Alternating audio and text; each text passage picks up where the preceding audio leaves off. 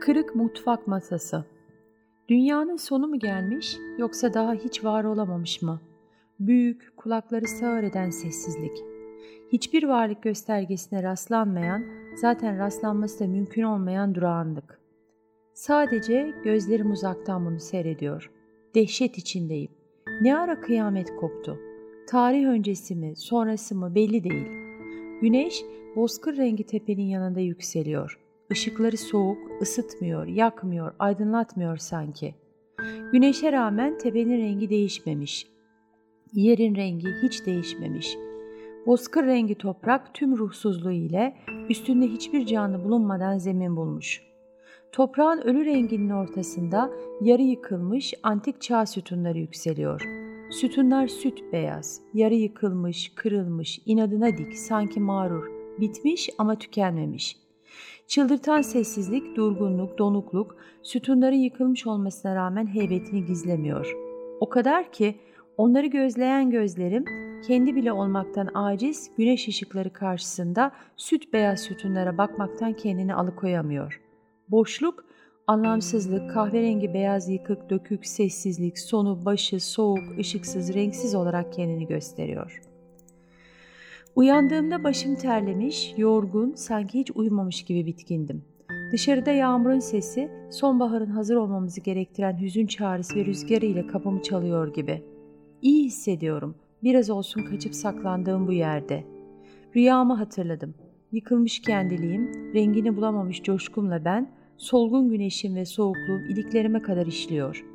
Rüya, bilincime çağrı yapar gibi beni huzursuzluğumla baş başa bırakıp tüm mesajları verip kenara çekiliyor.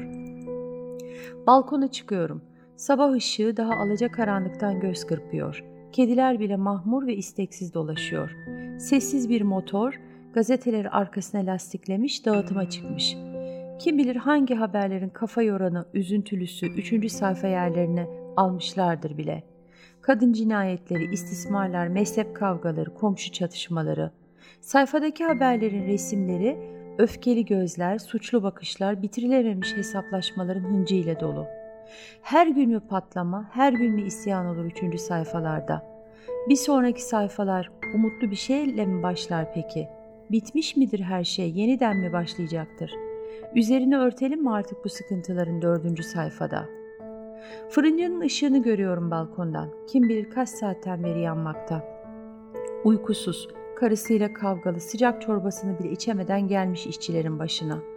Havaya yayılan un tozu, fırının kızıl ateşi, çocukların okul parası, yetiştirememe, karısını satın almasını istediği üç odalı evin taksidi, nasırlı eller, şekilli ekmekler.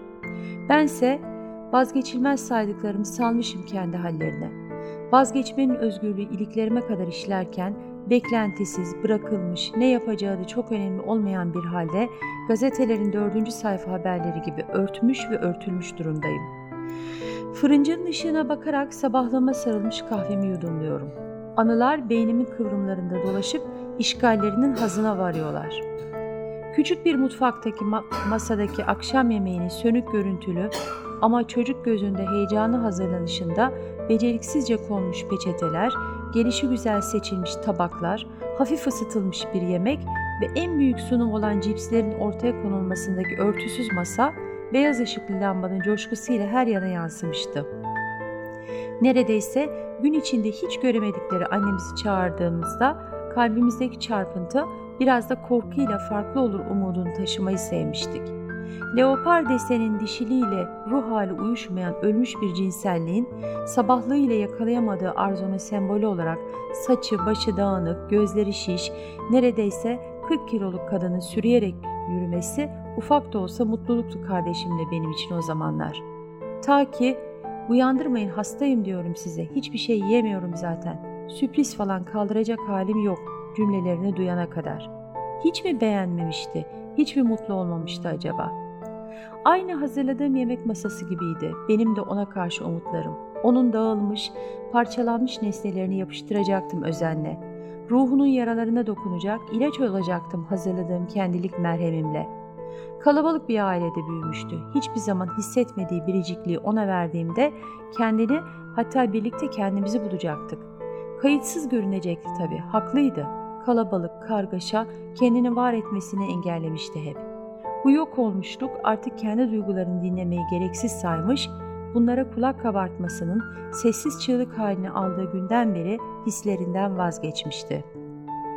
Hisleri hislerime dokunduğunda aşık olmanın insanın kendine güvenini fazlasıyla getiren şımarıklığımız bizi coşkulandırıyordu. Sanki bütün dünya mutluluğumuz için çalışıyor, ben onunla, o da benle var oluyordu. Tek kalsak sanki evren bizi hiç bilmeyecekti. Biz olduğumuz zamanda güneşin doğuşu, gökyüzünün maviliği, tepelerin, dağların ihtişamı.